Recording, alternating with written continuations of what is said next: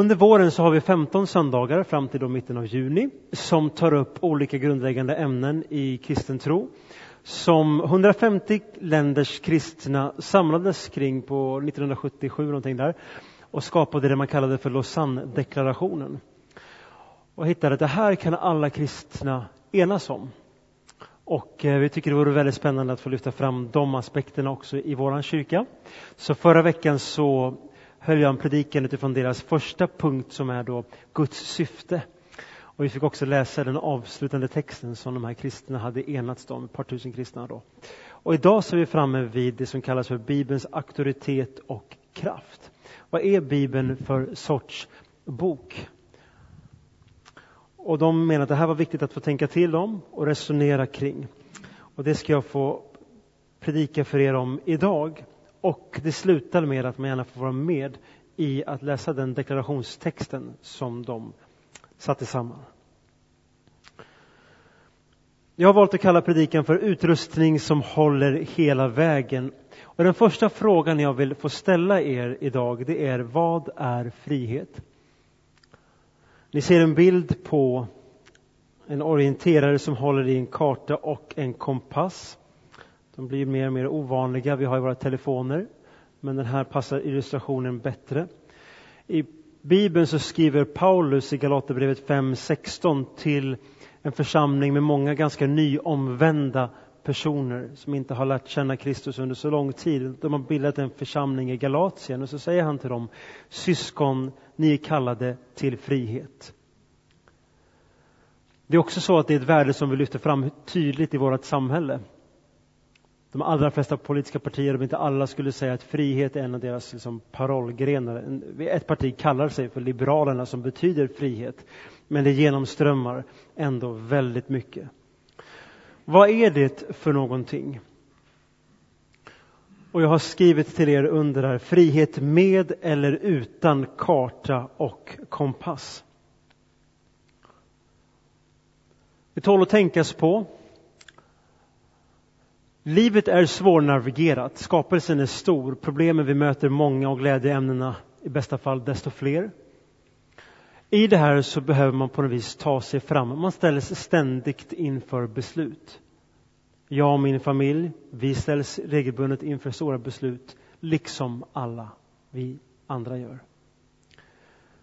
Är man mer fri i en skog med eller utan karta och kompass? Jag för min del skulle uppleva en mycket större frihet om jag är i en skog som inte jag vet och känner väl till. Ingen av oss vet ju hur morgondagen är. Om det fanns en karta och kompass, det skulle skapa större frihet att utforska livet åt både höger och vänster, vart det nu ville gå. Det finns inga hinder i dem. Men hade jag inte haft karta och kompassen så hade oron otvetydigt till slut satt sina klor i mig. En osäkerhet. Vem är jag? Var någonstans befinner jag mig i människans horisont, i liksom tidsaxeln? Vad var min utgångspunkt i den här promenaden? Vart är jag på väg? Jag vet inte. Och jag lovar, om du går vilse i en skog, om du inte vet vart du ska, du vet inte vart du kommer, du, du har ingen aning, du kommer få oro inom dig. Jag skulle i alla fall få det. Och jag menar därför att man har större frihet med en karta och kompass. Och kartan kan få vara en bild av Bibeln som innehåller detaljerade både beskrivningar om varifrån vi kommer, vem vi är skapade att vara, viktiga milstolpar att navigera utifrån, stigar som andra människor har vandrat före mig, men också att den anger en tydlig destination och hur jag kan komma dit. Och att kompassen kan liknas vid den helige Ande som ger mig de här stora inriktningarna i livet. Vad är min kallelse? Jag hade ett samtal i vår familjehemgrupp här med, med eh, en person precis och eh, jag berättade att jag ville bli doktor, läkare och sen så när jag var 16-17 så ändrades det här då och eh, jag upplevde en kallelse mot kyrkan, jag visste inte alls hur eh, på den tiden den här stora svepningarna från någonting till någonting annat. Så man ställer in, var är min destination? Oavsett om jag är snickare, lärare, är äldre, är yngre, är pigg och så vidare. Varför är det här viktigt att tänka på när man talar om Bibelns kraft och auktoritet? Därför att Bibeln innehåller mängder med avgränsningar också. Och om man uppfattar vägledningarna som hot eller som en möjlighet avgör till stor del med vilket, vilken ingång man har när man läser Bibeln. När man läser saker man inte förstår som utmanar en i livet tänker man då, här ligger en hemlighet. Här ligger en karta in på en ny terräng. Eller tänker man, det där kan jag ju bara hoppa över och strunta i. Jag är mycket friare utan att ta de sakerna i beaktande. Det är det ena. Det andra är att jag kommer också ta upp frågan vad är Guds ord för någonting? Det citeras i alla kyrkor att Bibeln är Guds ord. Men vad innebär det? Och en vanlig distinktion som man kan ha, det är det som ni har framför er, det är att man talar om Guds ord eller om man talar om Guds ord. Ni ser att de är ihopskrivna. Det är lite av en lek med ord. Men tänker man att den här boken är Guds heliga skrift så att det är någonting som jag vill underordna mig. För om det är Guds ord och Gud har skapat världen, då har den en väldigt stort inflytande och bör ha det i alla våra liv. Eller tänker jag att den innehåller uppbyggande, gudomlig, inspirerad, mänsklig vishetserfarenheter. Ja, men eh, då blir det snarare att jag tänker inte ställa mig på den, men att den är underställd mig. Alltså det, finns, det, det är någonting som uh, jag är ovanför. Det är ingen fråga jag kommer besvara fullt ut idag, det finns inte de tiderna och möjligheterna. Och man måste själv ta också i den frågan, personligen. Min första punkt idag det är varför är det rätt och fel? Varför är saker och ting rätta och sanna eller inte så? Vi kan ha olika moral i det här rummet, samhället och världen har det garanterat. Men varför är vissa saker rätt, varför är vissa saker fel? Den frågan tål att tänkas på. Sverige gick först från att vara jättegeneröst med, med integration, det var rätt. Sverige gick till att ha stängda gränser, det var rätt. Eh, eller? New Yorks borgmästare skrev ju precis under en abortlagstiftning i deras delstat som gör att abort är tillåtet fram till att barnet föds. Är det rätt? Ja, uppenbarligen ansåg ju han det då.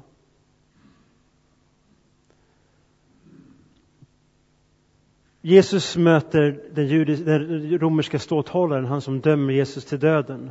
Och sen så presenterar sig som sanningen och Pilatus ställer de tidslösa orden Vad är sanning? Det är ingen ny fråga som har kommit tack vare sociala medier som ibland kan tyckas tro att nu är det ett hot med några falska nyheter. Vad är sanning? Och den frågan den behöver du besvara mycket tydligare nu än för en generation sedan. Därför att blandningen i samhället är så mycket större. Så utan att du behöver gå många meter så möter du människor som tycker radikalt annorlunda om dig i vad du tycker är stora kärnfrågor. Vad är rätt och vad är fel? Ni ser frågan varför är det rätt och fel att och så vidare.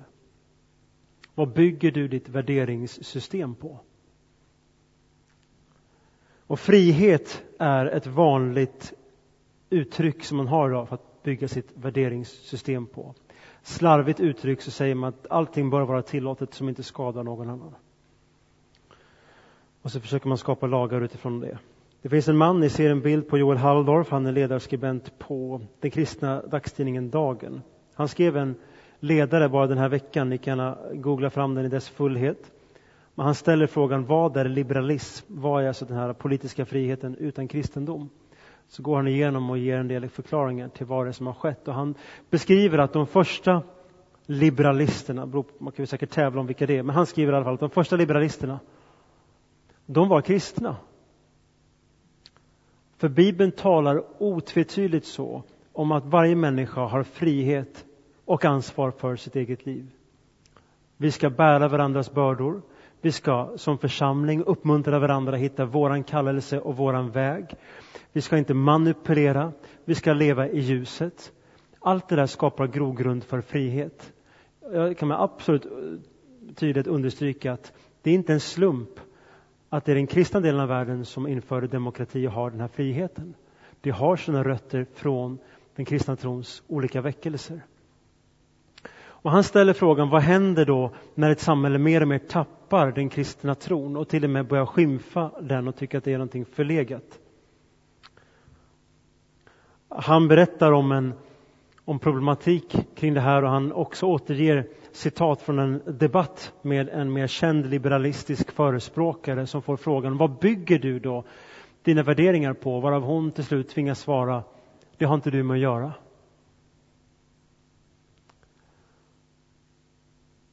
Om liberalism är frihet och det är den demokratiska friheten och man stiftar lagar om att abort är tillåtet fram till födelseögonblicket, är det frihet?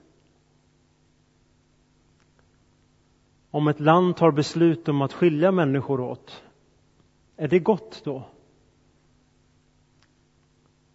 För de flesta människor, i alla fall i ett tidigare skede innan man är så att säga kokt som en groda som inte märker det, så känner man i sin kropp att någonting här är fel. Men varför? Varför är det fel att döda någon? Varför är det fel att hämnas? Ja, men min kropp vill ju det. Om någon attackerar min familj, då vill jag ju hämnas tillbaka mot den familjen. Det ligger nedlagt i oss, kan man hävda. Alltså är det naturligt. Alltså bör det inte vara fel. Vad bygger det på att vi har valt ett annat system? Det bygger på Bibelns undervisning. Alla i stort sett de svenska lagarna som bygger på att en annan neutral förvaltning ska döma saker och inte vi själva bygger på en skapelsesyn att alla människor har rätt till att bli rätt bedömda och rätt ansvar. Vi ska inte hämnas. Vi ska ge dubbelt igen med kärlek när vi istället får slag emot oss. Som ni ser framför oss, gyllene regeln och det dubbla kärleksbudet är det som i praktiken är grunden för allt vårt beteende mot varandra. Gyllene regeln som säger allt vad du vill att andra människor ska göra mot dig, ska du också göra mot dem. Alltså är det fel att mobbas, alltså är det fel att döda, det är fel att stjäla. Skulle du vilja att någon stal ifrån dig? Gissningsvis inte. Dubbla kärleksbudet, älska Gud, men älska också din nästa som dig själv. Vem är, vem är din nästa? Den du möter på. Jesus Kristus slår ju sönder hela eh, systemet med att man ska grupperas utifrån släkter, utifrån ekonomisk status, utifrån kulturell folkgrupp. Han säger ni är ett i Kristus. Och Paulus lägger ut den förteckningen. Så att vi är frihetsälskande i vårt land, det menar jag har en biblisk grund. Vad händer när man tappar den? Jag tänker inte besvara på den frågan idag, men väcker den, för den är viktig till varför samtalet och reflektionen om den här boken har enormt stort värde i våran tid. Det känns rätt, jo, det känns rätt så länge tills någon börjar överge gyllene regeln och kärleksbudet och man frågar sig varför. Joel skriver i sin artikel, vad är liberalism utan kristen tro, kristendom? Tron att människan var skapad av Gud var grundläggande för de första liberalerna. Så länge alla var överens om att sen människan i alla fall har ett okränkbart värde märks inte övergångsskillnaderna. Men nu när det börjar försvinna bort, då undrar man, hur navigerar vi oss fram? Jesus han säger, vi sjöng det på mässan, saliga de som hör Guds ord och tar vara på det. Varför då? Ja, den berättar om frälsningen, men den är också en karta och en kompass för alla våra livsfrågor. Bibeln kan som allt annat utnyttjas för manipulation, för maktmissbruk, bara för sin egen kärlek. Det är därför vi har församling. Det är därför man läser Bibeln i gemenskap. Det är därför Paulus skriver väldigt sällan, han har skrivit ett och annat brev, han har skrivit brevet till Timoteus och brevet till Filimon. Men alla andra hans brev är skrivna till församlingsgemenskaper. Därför att man i gemenskap ska läsa och studera. Jag lovar dig att det är mycket, mycket svårare att råka ut för maktmissbruk om man är tio personer som tillsammans läser en bibeltext. Det går liksom inte att manipulera på samma sätt. Det är ett av värdena till, till varför en församling och kyrka finns. Och varför ska man lita på Bibeln då som Guds ord? Kan man det? Paulus han skriver i Andra Timoteusbrevet 3.16, och ni har det framför er, att hela skriften, skriver Paulus, han syftar framförallt på Gamla Testamentet då, är utandad av Gud och nyttig till undervisning Den här boken, Bibel betyder bibliotek och den innehåller 66 olika böcker. Den är skriven över 1500 års tidsperiod. Ungefär 40 författare har skrivit. Den är alltså extremt mångfacetterad. Och det kan ses som ett under i sig faktiskt att enigheten i ordet och den röda tråden är så pass tydlig under så lång tid. Ett grundläggande bevis för att Bibeln är Guds ord är just för samstämmigheten under 1500 år som man kan se genom hela skriften. Gång på gång så beskrivs att människor får ord ifrån Gud som de väljer att teckna ned. Det är liksom som en grundläggande antagande, men sen finns det några punkter ändå som, jag nämner bara något kort, tre stycken, och slutar med ett boktips.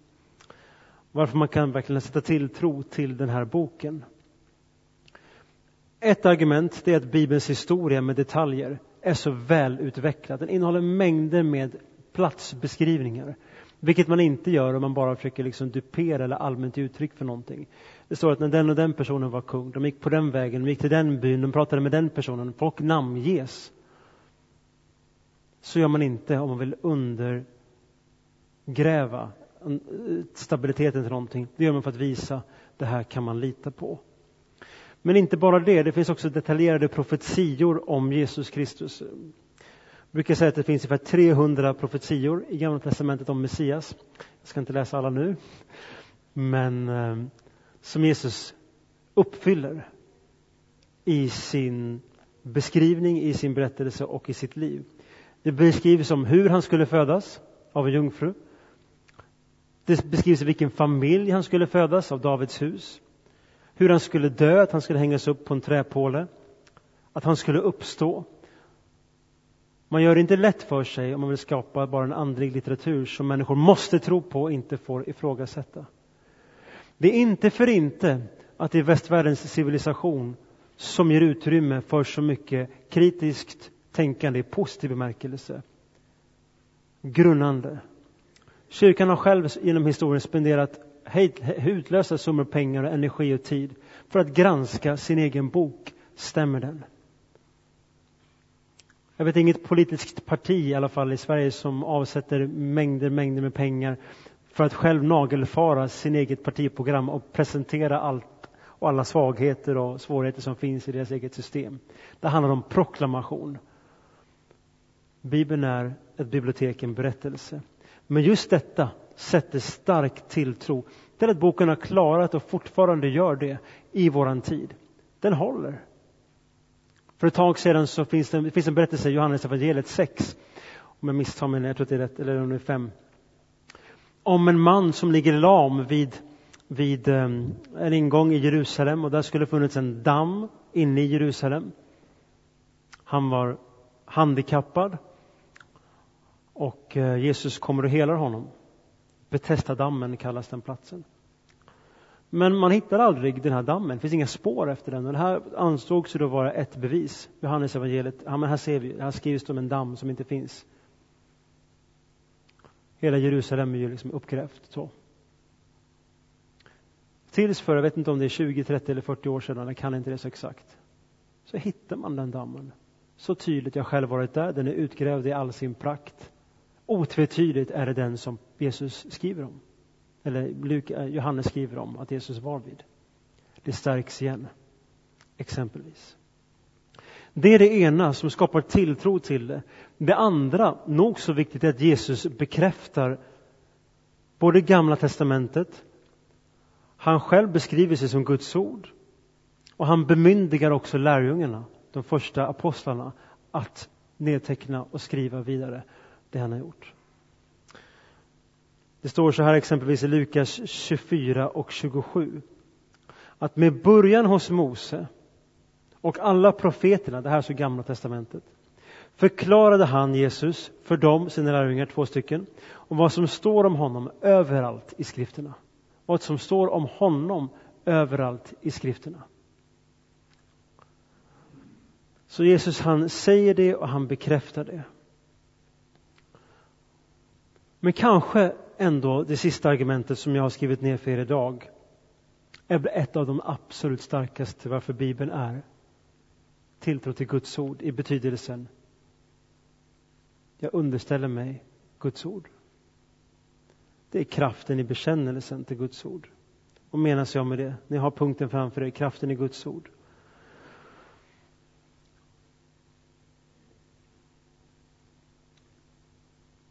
Människor som tar emot ordet, läser det, ber utifrån det, är med om upprättelse, är med om frihet, förändring och helande. Vi ser det i vår församling här. Att tack vare Bibelns ord så vågar vi göra saker och Gud möter upp. Varför kan vi be för sjuka? Varför vågar vi göra det? Därför det talas om att vi har rätten att göra det. Hur kan människor få ett nytt liv som har varit i mörker? Därför helt plötsligt så strålar Jesus in i deras liv. Människor som till och med möter Jesus Kristus ansikte mot ansikte i en dröm eller verkligt i en syn. Som stämmer så väl överens med boken och visar att den här är levande.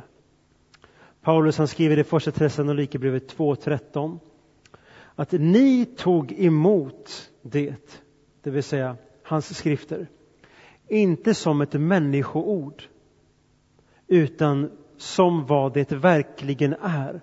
Guds ord som också visar sin kraft hos er troende.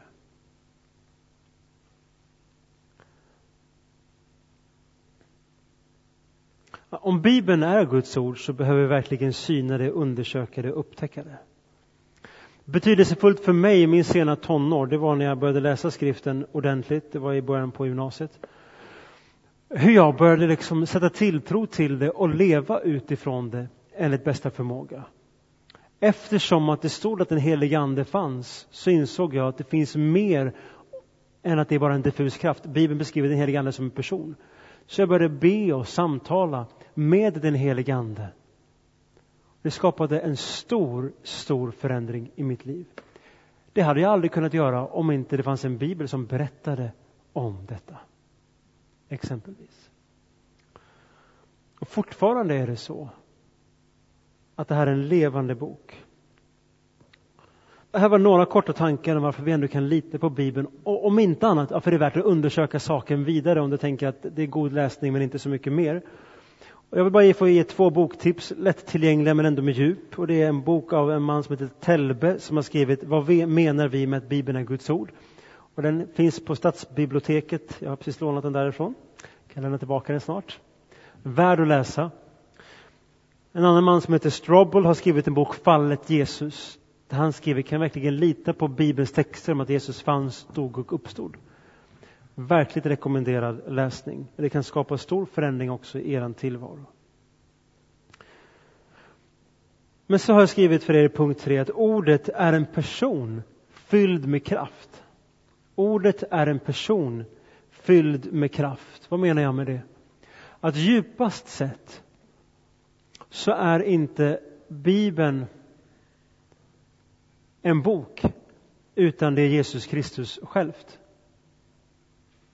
Här finns det en skillnad mot exempelvis islam som menar att boken i sig är helig och de har ju tron att det finns en perfekt um, koran i himlen på arabiska. Vår tilltro är inte alls det, utan det är Jesus Kristus som är helig. Det är därför jag har så många olika bibelöversättningar. Det är ordet självt som är det viktigaste och det levande och det är Jesus Kristus. Och att allting i Bibeln är till för att beskriva vem han är så du kan leva i relation och till fyllest med honom.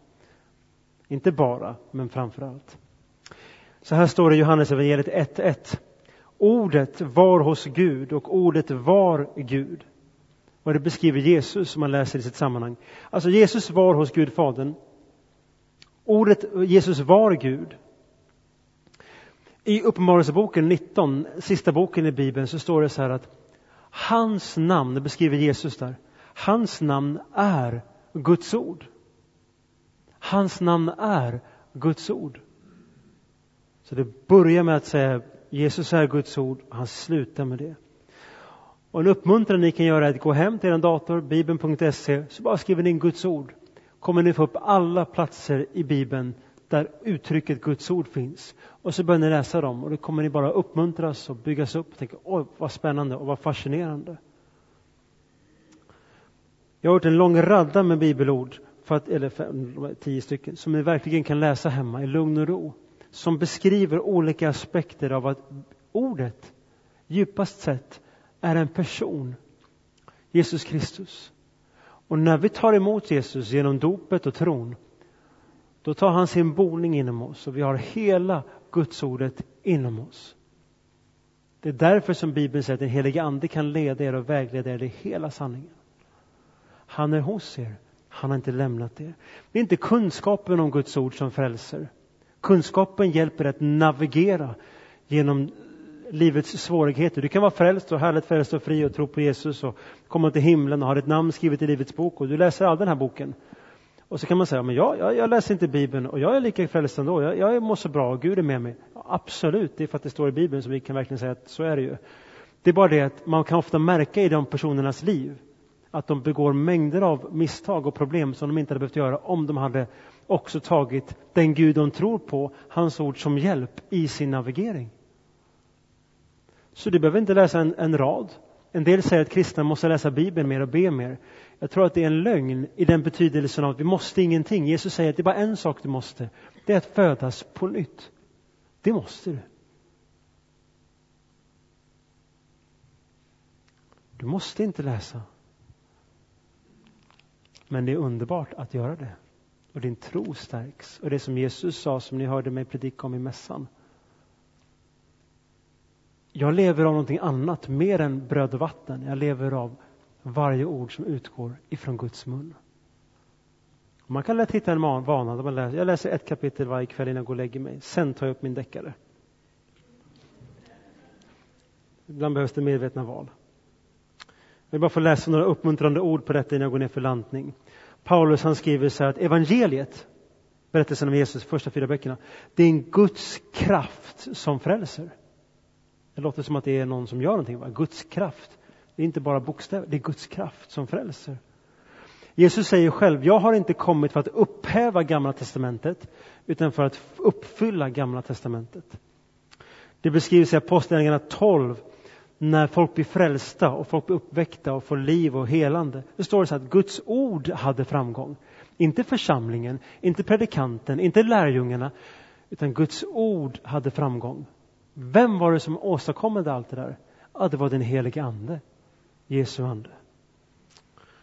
Paulus han skriver, jag kommer till det bibelordet snart, om att han ber att våra hjärtan ska upplys, upp, upplysas.